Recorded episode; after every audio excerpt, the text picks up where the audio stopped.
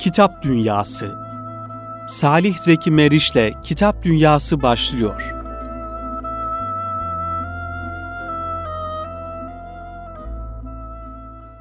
Erkam Radyo'nun kıymetli dinleyenleri hepinizi saygıyla, sevgiyle, muhabbetle selamlıyoruz efendim. Erkam yayınlarının katkılarıyla hazırlamış olduğumuz Kitap Dünyası programıyla tekrar birlikteyiz. Bu hafta ilahiyatçı yazar Cemil Tokpınar hocamızla beraberiz. Ee, kendileri kırmadılar, zaman ayırdılar ve bizleri kabul ettiler. Sizlerin adına e, Cemil hocama e, özellikle teşekkür ediyorum ve programımıza hoş geldiniz diyorum. Hoş bulduk Allah razı olsun. Hayırlı yayınlar diliyorum.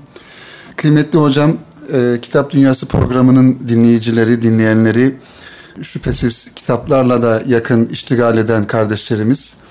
Ben eminim ki şu an bizleri radyoları başlarında dinleyen dinleyenlerimiz arasında Cemil Tokpınar ismini duymayan e, yoktur ve mutlaka kitaplarınızı okuyan dinleyenlerimiz de vardır.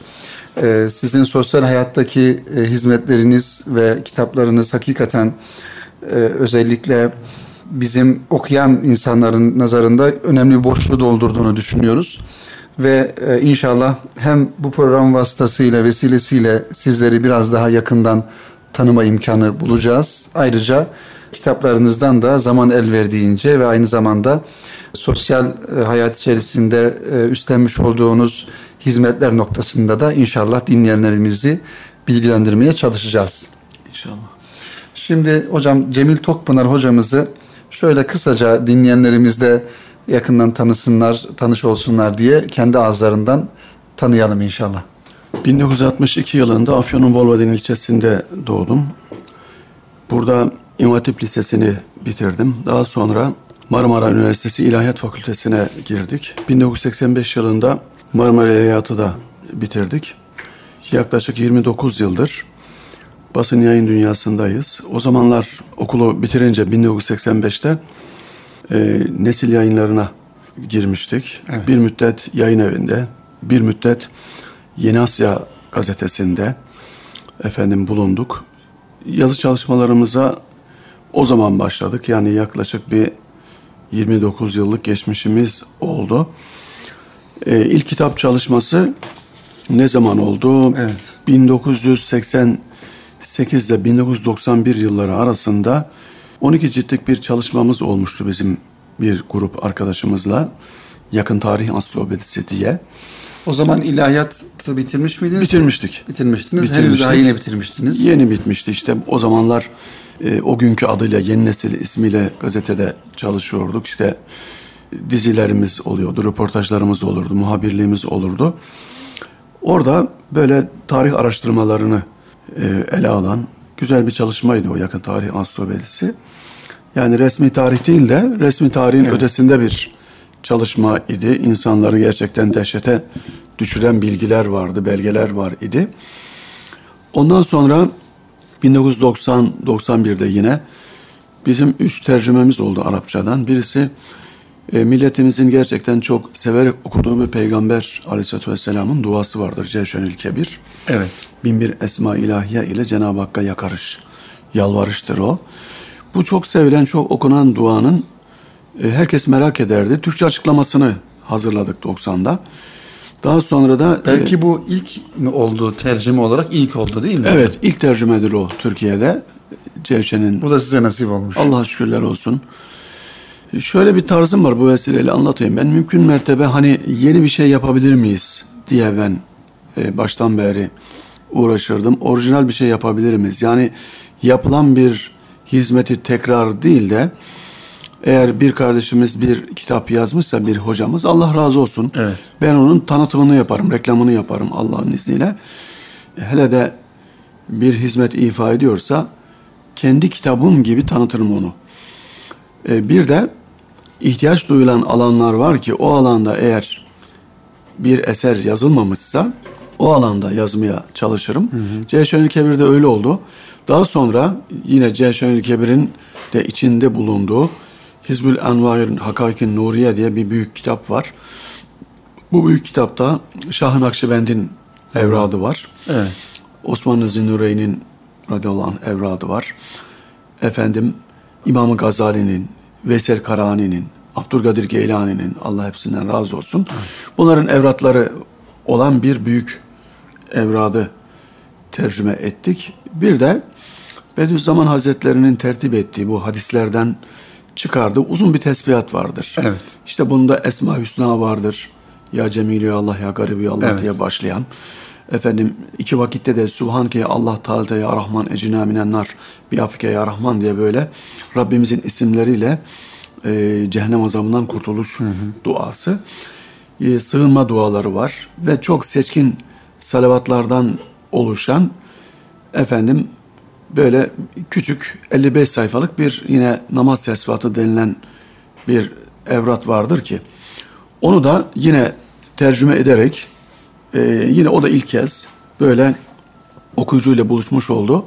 İlerleyen yıllarda bizim Peygamberimizin diliyle gençlik gibi gençlere yönelik bir kitabımız, gençlerle biz bize gibi gençlerle bir sohbet kitabı, daha sonra ömür boyu aşk Evet. 2000 yılında bir aile kitabı, aile içi iletişim kitabı. Ondan sonra yine gençlik ve aşk, gençlere yönelik bir kitap, Risale-i okuma anlama teknikleri ve bunların arkasından sabah namazına nasıl kalkılır Evet. kitabı çıktı.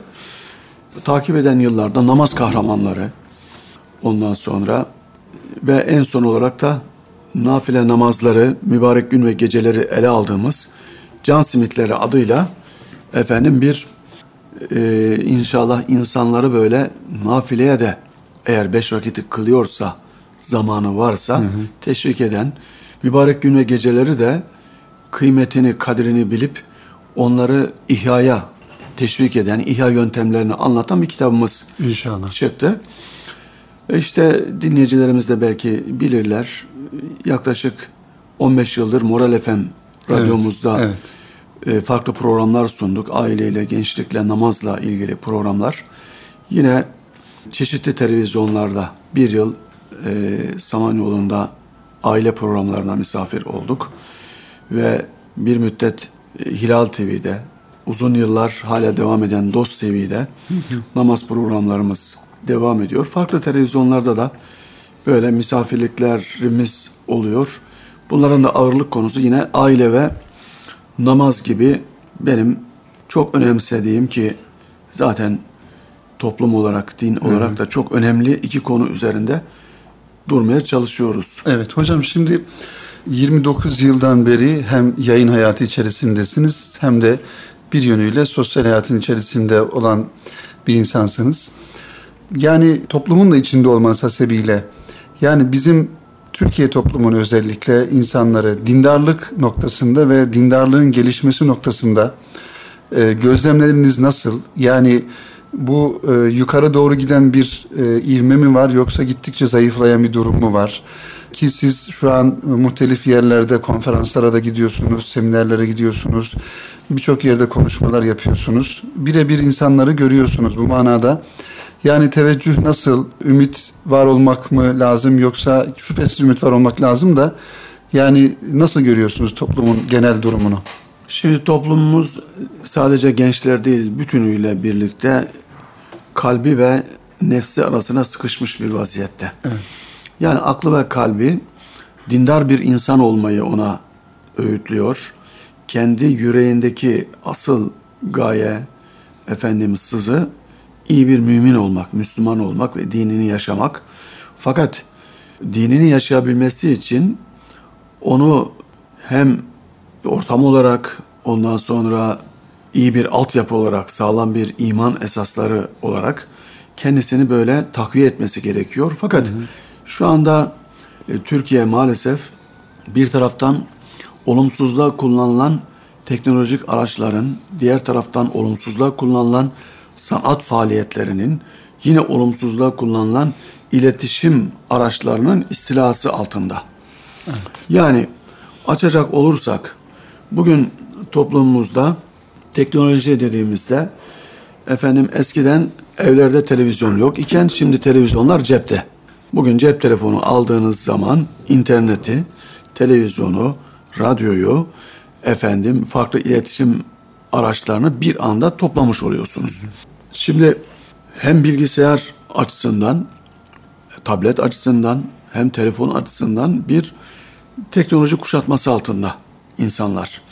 Fakat bu teknoloji muhteva açısından içerik olarak mümin bir teknoloji değil. Evet. Tam tersine namaz kılanı namazdan alıkoyacak. Efendim imani tefekkürü faaliyetlerden, derslerden onu alıkoyacak malzemelerle doldurulmuş. Böyle bir problem var. Diğer iki problem sanat dallarının maalesef hala İslamileştirilemediğini görüyoruz. Yani bunlar dine hizmet eder tarzda değil. Ne gibi? Şimdi sanat deyince çok geniş bir alandır bu. Edebiyattan sinemaya, hı hı. efendim e, mimariden resime, fotoğrafa o kadar sanat dalları var ki sadece edebiyatın mesela alt başlıklarına baktığımızda edebi hikayeler, romanlar, şiirler e, bir sanattır. Ondan sonra diğer sanat dalları efendim mesela bir sinema öyle bir alan ki gariptir. Şu anda sinema alanında 1996, 98, 99'lar Türkiye'sinden bile ben geri görüyorum mümin evet. camiayı. Evet. Şimdi merak ediyorum bu özellikle son 10 yıldır efendim kazandıklarını nereye koyuyor bu dindar iş adamları yani imkanı mi, olan insanlar. Evet bu imkanı olanlar çünkü o zaman mi, bu manada bir e, evet. tebliğ gay- şeyi yok değil mi kaygısı yok. Evet. Yani. Ya da neden yok? Yani sinema deyince tabii o başlı başına bir alan. Sinema deyince birçok mesajınızı bir anda milyonlara verebileceğiniz bir alan.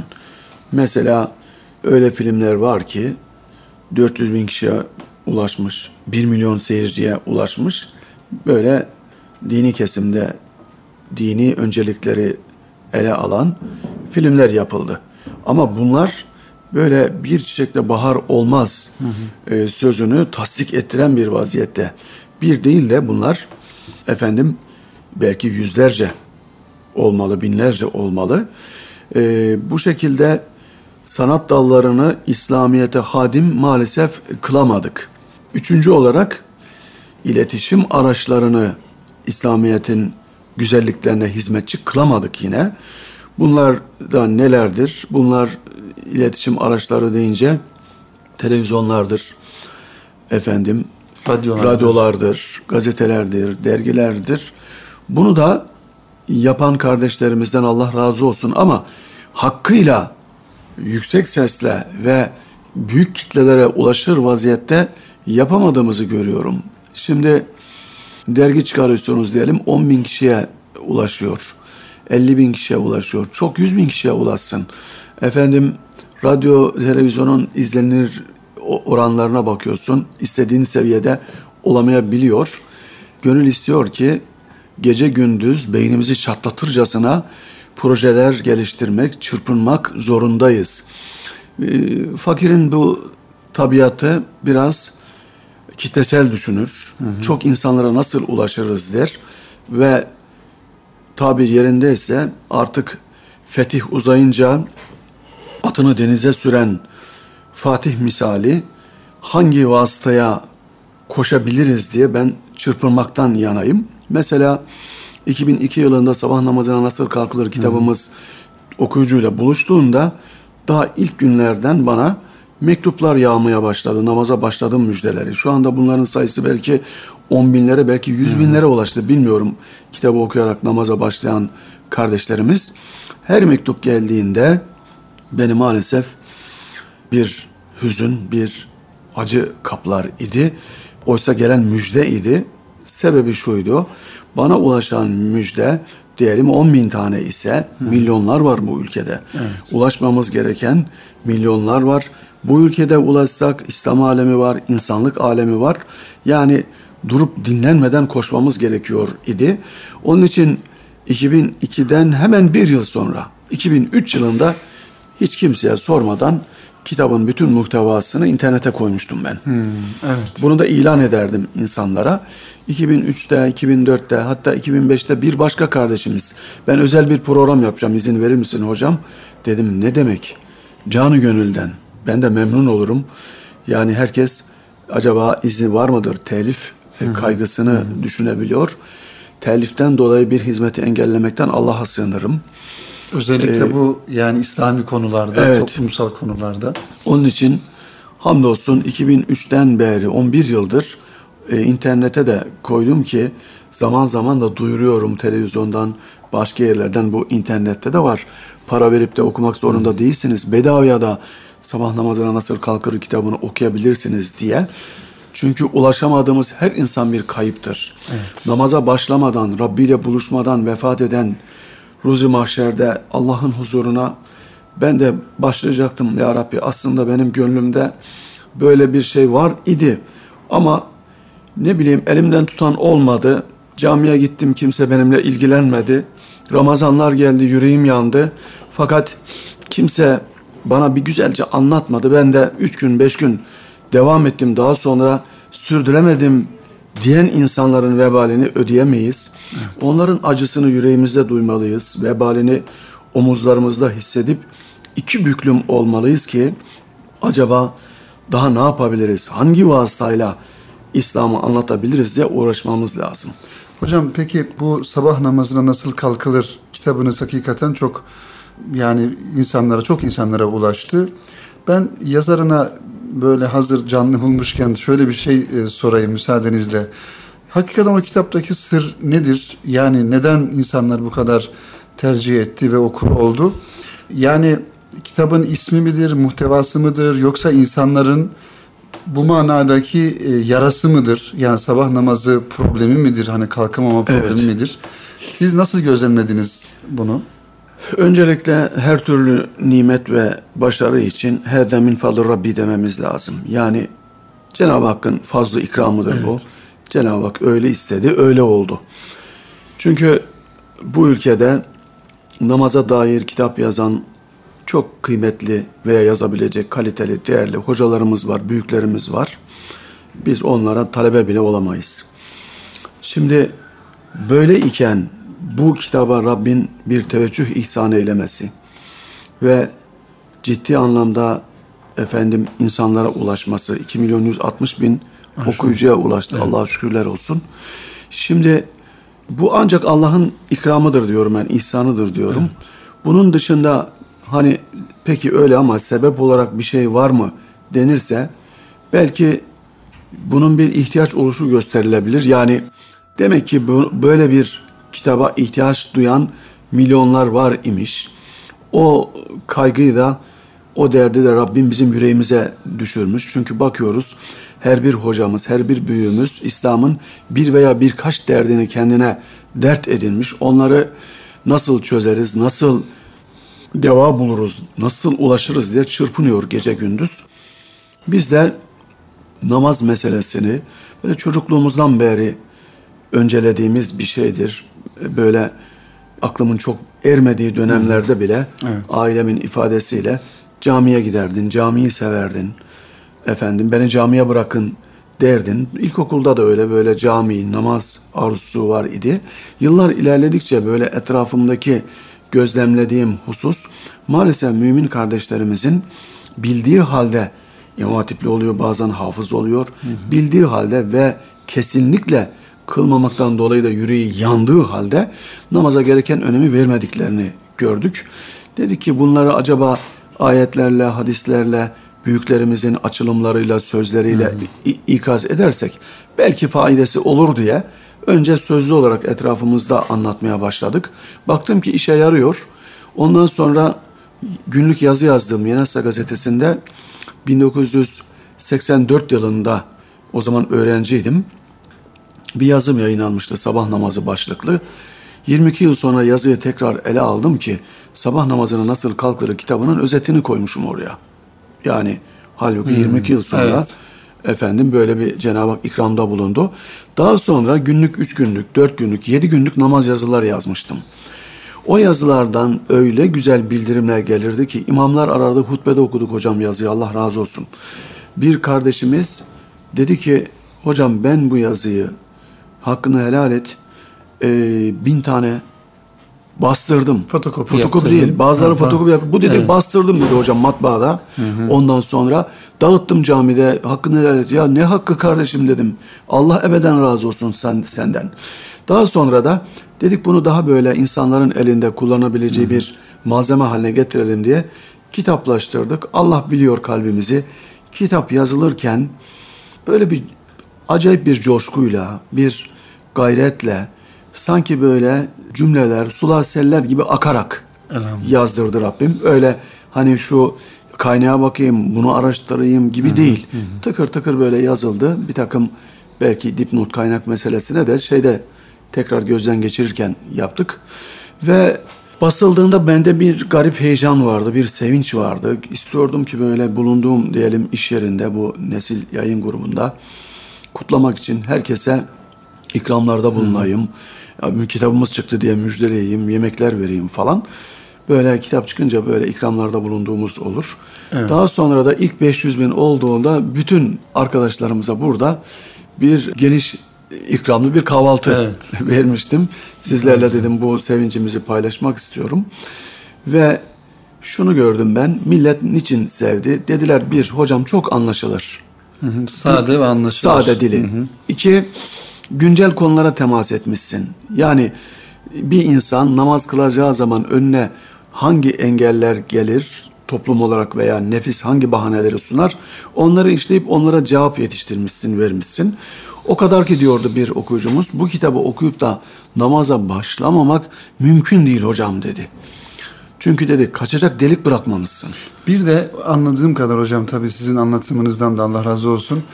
Ee, yürekten yazılan, kalpten ve gönülden yazılan şeyler yüreğe ve kalbe aynı şekilde, aynı güzelliğiyle tesir ediyor şüphesiz. İnşallah. Ee, yani bu sabah namazına nasıl kalkılır kitabının da e, böyle bir durumu söz konusu olduğundan dolayıdır ki e, bu kadar bir teveccüh görmüş, bu kadar bir hüsnü kabul görmüş. Zaten şu anda da devam ediyor. Yine okunuyor, yine basılıyor bildiğimiz kadarıyla. Elhamdülillah şu anda da yine hem okunuyor hem bizim özel bir kampanyamız var. Okullarda, camilerde, Evet. efendim cezaevlerinde, fabrikalarda insanlar eğer dostlarına hediye etmek isterlerse e, asla ve kata benim veya yayın evinin bu konuda bir e, maddi bir tasası yok. Yok, evet. Toplu alımlarda özel bir baskımız var. Yani içerik aynı, özel bir baskı var. Daha çok insana ulaşsın noktasında bu daha baskı uygundur belki. Biraz sıkıştırılmış. Ondan sonra 1 lira gibi adeta Ne kadar güzel. iki sayfanın fotokopi parası gibi bir fiyata 96 sayfalık kitabı alabilecekler. Sadece yüksek rakam isteniyor ki maliyet düşsün diye. Tabii. O da inşallah bunu yapanlar var. Cezaevlerine e, gönderen iş adamları var. Çok güzel oradan yankılar Evet, geldi, mektuplar evet. aldık. İmam hatipler özellikle son zamanlarda alıyorlar. Toplu alımlar. Çorum İmam Hatip Lisesi yaptı bunu. Konya'da oldu. Sultanbeyli İmam Hatip Lisesi yaptı. Çorlu İmam Hatip Lisesi yaptı. Hatta bazı yerlerde de bunu Sason'da yaptılar. İstanbul'da bir e, yurtta yaptılar 800 öğrenciye. Kitap dağıtıyorlar önce. Daha sonra diyorlar ki bunu okuyup iyi çalışanlar arasında bir Yarışma var. sınav, evet bir yarışma Evet. var. Ödül vereceğiz diye. Orada biz hamdolsun Çorum'da, Batman'da, İstanbul'da ödül törenlerine katıldık o kardeşlerimizle. Çok duygulandık. Namaza başladık hocam deyip elini uzatan o gençlerin efendim elini sıktık, kucaklaştık hamdolsun. Rabbim sayılarını ziyade eylesin. Çünkü Türkiye'de her gün 600 kardeşimiz vefat ediyor. Evet. Yapılan anketlerde de 450 kişi en azından namazını kılmayan, beş vakit namaz kılmayan insanlar oluşturuyor. Bu 450'sini. vefat edenlerin arasında Evet. değil mi? Evet, çok büyük bir rakam hocam. Hocam e, çok özür diliyorum. Programımızın birinci bölümünün sonuna geldik. İnşallah ikinci bölümde konuşacağımız hususlar var ama bu sabah namazına nasıl kalkılır kitabının e, namaz platformuyla e, buluşması nasıl oldu onu soracağım inşallah. Çünkü siz aynı zamanda namaz platformunun da kurucularındansınız ve e, bu hizmeti yürüten hocalarımızdan birisisiniz. İlahiyatçı yazar Cemil Tokpınar hocamızla beraberiz. Kıymetli hocam, e, namaza, sabah namazına nasıl kalkılır kitabının bu kadar güzel yankısı oldu ve binlerce, yüz binlerce insana ulaştı. Ve bir de bir grup hocamızla birlikte namaz platformu Nun öncülüğünü yaptınız, yapıyorsunuz Türkiye'de. Bu namaz platformuna dahil olmanız veya bu fikir nasıl çıktı ortaya hocalarımızla? Yani böyle bir platform zemininde namazla ilgili kitabın buluşmuş olması da hakikaten güzel bir bereket olmuştur diye düşünüyorum. Elhamdülillah. 1994 yılıydı galiba. Bir Ankara'dan İstanbul'a bir yolculuğumuz olmuş idi. Bu yolculuk esnasında da sabah namazını kılma noktasında sıkıntılar yaşamış ve böyle şoförle bir tartışmamız olmuş idi. Oradan gelince yani siz namaza e, durmak istediğiniz anlaşılan. Evet. Şoför de e, namaza durmak istemedi. Yola devam edeceğim dedi. Bir söz verdi önce. Evet. Haremde kılarsın dedi. Münakaşa olduğundan sonra. Sonra hareme geldik. Haremde de yetişmemiz lazım falan dedi. Ben de madem bana daha önce böyle dedin ben burada kılacağım dedim. Arabadan indiğim gibi yürüdüm gittim. Eşyalarım da var mescide. Tekrar döndüğümde bir takım tartışmalar falan oldu yolcularla. Benim çok ağrıma gitti. Çok böyle hırpalayan hakaretamiz laflar oldu. Belki 10-20 kişi tarafından. Hı hı. Ben de o gün döndüm. İş yerine geldiğimde iki günlük bir yazı yazdım. Namazla ilgili e, bir yaşadığım hatırayı anlattım. Bir de ertesi gün namaz vakfı kurulmalı diye bir hmm. yazı yazdım. Evet çok ilginç. Ve dedim namaz ki, vakfı. Evet, evet. Dedim ki şimdi dedim Müslümanlar çevreyle ilgili sporla, eğitimle, kültürle ilgili dedim. Birçok vakıf ve dernek kuruyorlar. Neden dedim imandan sonra en büyük farz olan namazla ilgili insanları teşvik eden bir derneğimiz, bir vakfımız, bir platformumuz yok diye. O zamanlar bir kişi beni arayıp tebrik etti. Zafer Yayınları, Zafer Dergisi Hı. o zamanlar evet. genel yayın yönetmeni Selim Günüzalp abi evet. telefon açtı dedi ya ne güzel bir düşünce haklısın dedi tebrik ederim dedi ama başka kimselerden bir şey gelmedi. İç dünyalarında mutlu olmuştur onlar diye düşünüyorum. Evet. Daha sonra aradan zaman geçti, yıllar ilerledi. Sabah namazı Nasır Kalkır kitabı çıktı. 2002 yılında onun son bölümü de şuydu. Namaz için vakıf, dernek, platform olmalı diye bir küçük bölüm vardı sonunda.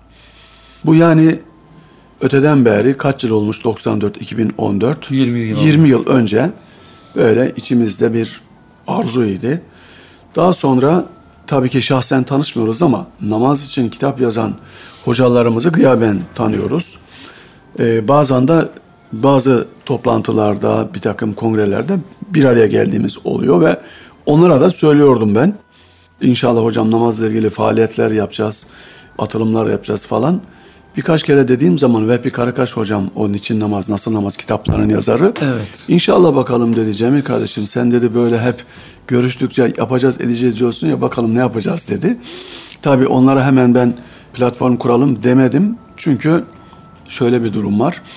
Öncelikle sizin de bu alanda yaptıklarınıza ve sözlerinize kamuoyunun inanması lazım.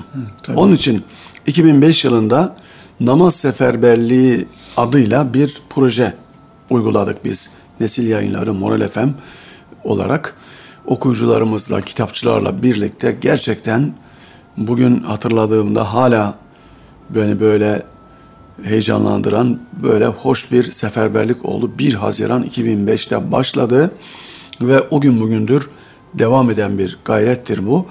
1 milyon kitapla namaz seferberliği demiştik hmm. onun adına. Bir, bir takım dostlar güldü bize. Yani Türkiye'de 10 bin kitap zor okuyucu buluyor. 1 milyon falan çok uçuk bir rakam demiş olmalarına rağmen Rabbim bize o 500 bini 800 bini gösterdi.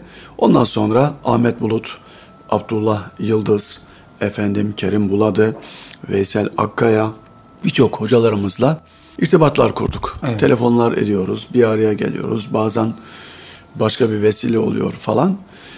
Başladık buna 2006'nın Şubat'ında toplantılar yapmaya. Derken Rabbim 2006'nın 19 Ağustos'unda tam da Miraç Kandili'nden bir gün önce idi. Böylesi bir platformu kurmayı evet. ve 100 hocamızla birlikte efendim Şehzade Camii'nin hemen yanında bir toplantı yapıp onu millete namaza çağrı deklarasyonu efendim yazmayı nasip etti. Ve şöyle bir planımız vardı bizim. Bizim önceliğimiz namazdır. Hiçbir şey değildir. Yani namazı konuşacağız, siyaset, sosyal farklılıklar, cemaat, meslek, meşrep farklılıkları bunlar dünyamızda yok. Biz burada kardeşliği hakim kılacağız. İhtilaf ve ayrışmayı değil. Elhamdülillah o gün bugündür şu anda üzerinden 8 yıl geçti. 8 yıldır biz platformdaki o çekirdek ilk kafa kafaya verdiğimiz hocalarımız dahil hiç kimseyle bizim bir kavgamız, ayrışmamız, siyaset, cemaat, parti farklılığımız olmadı. Yani onları hesaba katmadık. Zaten ümmet ümmet bilinci de bunu gerektiriyor değil mi hocam? Yani Elbette. Müminsek, Müslümansak öbür farklılıkların hepsi ikinci, üçüncü planda olması gereken, hatta olmaması gereken şeyler. Hatta cemaat farklılıkları, meşrep farklılıkları bir zenginliktir. Tabii, tabii yani onlar Esma Hüsna'nın farklı televünleridir, farklı evet. tecellileridir. Öyle olmalıdır da. Çünkü bütün insanlığa din, iman hizmetini, Kur'an hizmetkarlığını esas yapan insanların farklı renklerde olması lazım ki bütün insanlığı kucaklasın. Evet. Sahabe efendilerimize de baktığımızda her birinin bazı yönlerinin öncelikli olduğunu görürüz. Hı hı. Hazreti Ömer radıyallahu anh'la mesela Hazreti Ebu Bekir radıyallahu anh'ı yan yana getirdiğimizde birinin daha sakin, daha ağırbaşlı, hı hı. öbürünün de böyle daha cevval, daha celalli, efendim hemen çözüm üreten olduğunu görürüz. Her birinin ayrı ayrı özellikleri ve güzellikleri vardır. İslami cemaatler de sahabe efendilerimizin bu farklı misyonlarına, görevlerine varistirler. Evet.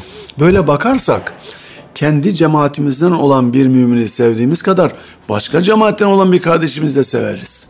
Eşit oranda severiz. Hı hı. Sevmeliyiz çünkü bizi kardeş yapan o ilahi parola nedir? İnnemel mü'mine ihvetun. Evet. Müminler kardeştir. Başka bir şey demiyor. Müminler kardeştir. Dolayısıyla bu ortak payda etrafında hamdolsun biz toplandık ve e, namaz platformu olarak devam ediyoruz. Şu ana kadar on binlerce konferans platformun, on binlerce radyo televizyon programı ve 6 milyon civarında namaz kitabı evet. okuyucuya ulaştırması oldu. Şu bile yeter. Namaz gündeme gelince yaklaşık 100 farklı namaz kitabı çıktı. Bu platform sayesinde evet. ve bunun öncülüğünden dolayı. Evet. En azından e, tetiklemiştir Tabii ki. diye düşünüyoruz bu hareket. Dolayısıyla bunlar bir zenginliktir. E, bunlar yeter mi derseniz yetmez. Namaz için yapabileceğimizin binde birini belki yapmışızdır. Evet. Şimdi e, hocam kitaplarınızı biraz önce anlatırken e, benim e, anladığım kadarıyla dua ile alakalı kitaplar, e, namazla alakalı kitaplar ve aynı zamanda gençler ve aile hassasiyeti ile alakalı kitaplar e, gibi şöyle hani özet bir e, kategori edebiliriz. Burada dikkatimi çeken bir iki olarak çıkmış ve daha sonra tek kitap haline çevirdiğiniz Ömür Boyu Aşk kitabınızı biraz dinleyicilerimize paylaşalım inşallah. Evet. Burada bir aile hassasiyetine vurgu var. Yani ömür boyu aşk dediğimizde eşler arasında aile içerisindeki muhabbetin, e, sevginin nasıl olması gerektiği noktasında e, kaldı ki şu an günümüzde yani yaşamış olduğumuz dünyada aile her şeyden çok önemli. Belki sağlam bireylerin, sağlam müminin, Müslümanın da çıkabileceği ortamlar sağlam aile ortamlarıdır. Yani anne ve babaların sağlam bir imana, sağlam bir akideye e, sahip olmaları neticesinde evlatları da o şekilde yetişecek. Dolayısıyla bir aile ortamındaki muhabbet e, nasıl olmalı bu kitabınızda da anlatıyorsunuz. Bu konuda biraz dinleyenlerimizle duygularınızı paylaşalım inşallah. Ömür Boyaş kitabımız 2000 yılında yayınlanmış idi. O gün bugündür aile problemleri Türkiye'nin gündeminde maalesef. Hatta gazetelerin üçüncü sayfa haberleri dediğimiz işler acısı bir takım haberlerin sebebi aile içi iletişimin, eğitimin gerçekten yetersiz olmasından kaynaklanıyor. Aile dinimizin çok önemsediği bir kurum. Cenab-ı Hak ilk aileyi kurmuş. ilk insanla birlikte ve aile hem bir okuldur, müminler için eğitim alanıdır. Bir takım güzel davranışların ilk modellendiği, ilk filizlendiği yerdir. Ve Peygamber Aleyhisselatü Vesselam'ı tanımlayan çok güzel ifadeler vardır. Bunlar efendim aynı zamanda peygamberliğinin yanı sıra bir devlet başkanıdır. Hı hı. Efendim bir komutandır gibi ama aynı zamanda Peygamber Aleyhisselatü Vesselam iyi bir aile reisidir. iyi bir kocadır, iyi bir babadır, iyi bir eştir. Dolayısıyla onun üsve-i hasene denilen Kur'an'daki o modellenecek hayatı, numune imtisal olan hayatı aile noktasından da modellenmelidir. Şimdi bizim %99'u Müslüman dediğimiz ülkemizdeki ailelere baktığımızda maalesef yer yer şiddete varan ölçüde paylaşım problemleri, iletişim problemleri, maalesef gönül kırmalar meydana gelebiliyor. Onun için biz ailemizi tekrar ele almalıyız, almalıydık. Biz de o zamanlar şahit olduğumuz bir takım mümin ailelerdeki problemleri görünce ciddi anlamda insan üzülüyor gerçekten. Ee, biz insanız, müminiz yani kardeşinin derdiyle dertlenir mümin. Acaba dedik o zamanlar yine günlük yazı yazdığımız gazetede dedim acaba aileyle ilgili üç günlük bir yazı yazsam, üç veya dört beş günlük herhalde dedim hiç değilse böyle bir acil bir ihtiyaç görebiliriz diye düşündüm. Fakat bu öyle bir konu ki yazmaya bir başladık aman Allah'ım ardı arkası kesilmiyor. Ve bir baktık ki o planladığımız yazılar 3-5 gün değil yaklaşık 60 gün sürdü. Evet. Aileyi anlattık orada. Geçim problemleri var bir de böyle maddi problemleri işledik. Ondan sonra gençlerin yetenek sorunlarını, psikolojik problemleri. Bunları yazarken hangi yıl yazdınız bu yazılar hocam? 2000 yılında. 2000 yılında yani şu an bulunmuş olduğumuz zamandan 14 sene önce yazmışsınız ama acaba 14 sene önceki kaygılarınızla şimdiki bir 14 sene sonra 2000'den 2014'e kadar 2014'den baktığınızda Türkiye'deki bu manada ailenin gelmiş olduğu durumu nasıl görüyorsunuz? Yani bir gelişme var mı yoksa daha gerileme mi var? Maalesef o problemler e, azalmadı, arttı. Artarak devam ediyor. Çünkü o zaman Aile ve Sosyal Politikalar Bakanlığı yoktu. Değil mi? Yani bu da bir aslında bu bakanlığın kurulmuş olması da Türkiye'deki ülkemizdeki aile müessesesinin ne kadar e, bir yara aldığının göstergesi aslında ne kadar evet. tabii çözüm olunabiliyor bilemiyoruz ama mutlaka onların faaliyetleri, evet. güzel projeleri var. Ama yangın çok büyük. E, ailedeki tahribat çok büyük. Onun için çok köklü çalışmaların yapılması gerekiyor. Programımızın başında bahsettiğimiz üç mesele vardı ki. Evet. O üç meseleyi halletmeden hangi hükümet gelirse gelsin, hı hı. aile için, gençlik için kalıcı bir şey yapamaz. İşin garip tarafı... Hocam o üç meseleyi bir daha hatırlatalım. Üç mesele şuydu. Çok bilinçli bir şekilde ustaca bizzat devlet eliyle üç konuya el atılması lazım. Evet. Bunlardan birisi teknolojinin ıslahı, hı hı. birisi iletişim vasıtalarının ıslahı, hı hı. üçüncüsü de sanatın ıslahı.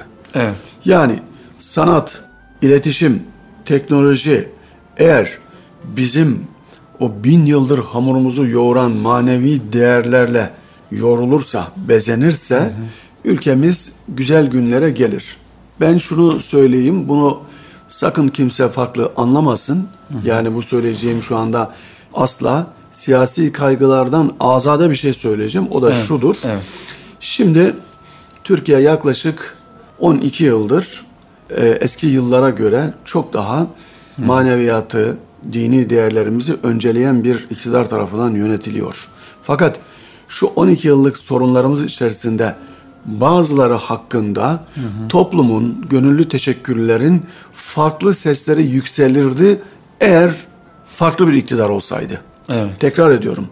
Yani şu andaki Türkiye'nin sosyal, eğitim, gençlik ve aileye yaptığı yatırım aynı olsa idi. Hı hı. Fakat sırf isim farklı olsa idi, hı hı. mesela sosyal demokrat bir iktidar hı. olsaydı, şu anda ailede, gençlikte, sosyal hayattaki yıkımlardan dolayı çoktan müminlerin öncü olduğu bir takım sendikalar, kurumlar seslerini yükseltir, sokaklara dök, evet. dökülürlerdi. Hı hı. Ama hep şöyle davrandık. Dedik ki sabırlı olalım, yavaş yavaş olacak. Evet. Ondan sonra olur bakalım e, dedik, dedik ama şu anda ciddi anlamda gençliğe ve aileye Evet, aslında evet. herkese Evet. el uzatılması gerekiyor. Zira mesela şu andaki bir evli insan 50 yaşında, 60 yaşında, 40 yaşındaki bir insan, 30 yaşındaki bir insan tıpkı 20 yıl, 40 yıl önceki gencin problemlerini yaşıyor. Evet. evet. Yani halbuki onun imtihanı artık hafiflemesi lazım. Evlendi, çocuk çoluk sahibi oldu, torunları var. Hayır. Niçin? Çünkü şu anda muhatap olduğumuz e, insanların her gün açtığı bilgisayar, telefon, televizyon e, öyle bir konumda ki sürekli tahribat yapıyor. Onun için aile adına bir şeyler yapılıyor. Efendim çok iyi niyetli çalışmalar oluyor. Fakat unutmayalım ki 76 milyonluk dev bir ülkemiz var ve bizler bir taraftan ıslah çalışmaları yapar iken uluslararası ve ulusal bir birden fazla efendim sel tahribat yapıyor. Evet. Yani Hollywood'da hazırlanıyor bir film anında bütün dünya ile birlikte Türkiye'de. Başka yerlerde dünyanın merkezlerinde yapılan bir takım sanat faaliyetleri, müzik faaliyetleri bakıyorsun Evet. aynen Türkiye'de. Yani burada hem devlet hem e, sivil inisiyatifler görev alıp aile müessesesini koruma adına çok güzel projeler üretmeliler Evet. ve bahsettiğiniz gibi bu tahribatlardan ve e, olumsuz e, tesirlerden kurtarmalılar. Kıymetli hocam programımızın sonuna geldik. Sohbetimiz hakikaten çok güzel devam ediyor ama zamanda mahdut.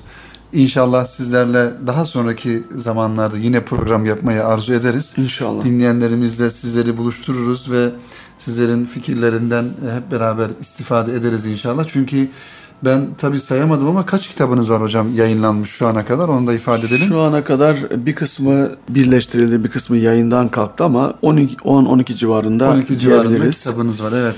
Şu an yine tabii nesil yayınlarından çıkıyor kitaplarınız. Yine yazmaya devam ediyorsunuz. Yeni kitap projeleriniz de var Şu inşallah. anda yeni devam ettirdiğim yaklaşık 4-5 tane dosyam var. İnşallah. Hangisi önce biter bilmiyoruz ama e, inşallah onları da devreye sokmak istiyoruz ama benim yazar olarak şöyle bir uygulamam var. Evet. Çok kitaptan ziyade mümkün mertebe işe yarar kitap çıkarayım diye uğraşıyorum.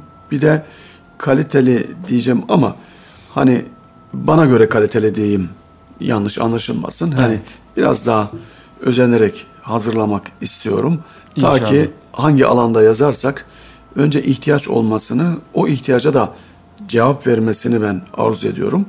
Bir de özel olarak çalıştığım, bunu çok yazar belki yapmaz ama çünkü yazardan ziyade başka kurumların görevidir o. Aynı zamanda yazılmış kitabın tanıtılmasını ve yayılması projelerini de ben dikkate alırım. Onlarla ilgili de bir takım projeler yaparım. Evet. Ta ki hani insanlara ulaşabilelim. Türkiye'de maalesef kitaplarımız, kütüphanelerimiz efendim o kadar çok ki ama tozlu bunlar. Evet. evet. Kütüphaneler kitaplarla dolu okunmuyor. Okunanlar yaşanmıyor. Biraz daha böyle yüksek ve derin üsluptan ziyade, akademik üsluptan ziyade bizim tarzımız popüler üslup, kolay, anlaşılır, uygulanabilir, yaşanabilir üslup, davranış değişimini sağlayabilmek çok önemli. Onun üzerinde durduğum için öyle okuyucuyu da çok fazla kitapla meşgul etmek istemiyorum. Zaten fuara gitti mi okuyucunun kafası dönüyor hangi kitabı alsam diye. Evet, evet. Böyle bir problemimiz var Yani sanat maalesef. sanatsa diyelim hani yazmak sanatsa sanatı insan için, İslam için Evet. ve o insanlarda ifade ettiğiniz gibi bir davranış dönüşümü sağlayabilmek için yazmak gerekiyor ve kitabı da yine ifade ettiğiniz çok hoşuma gitti. Çok fazla okuyucuyu kitapla meşgul etmemek lazım. Zira onları okuyup bir an önce hayata geçirmesi lazım Elbette. inşallah. Hocam çok teşekkür ediyoruz. Allah razı olsun. Zaman ayırdığınız için kıymetli Erkam Radyo dinleyenleri. Bu haftaki programımızda ilahiyatçı yazar Cemil Tokpınar hocamızı e, konuk ettik, ağırladık ve güzel fikirlerden istifade ettik. İnşallah faydalı olmuştur. Bir sonraki programda buluşmak e, arzusuyla efendim. Hepinizi Allah'a emanet ediyoruz efendim. Hayırlı akşamlar diliyoruz.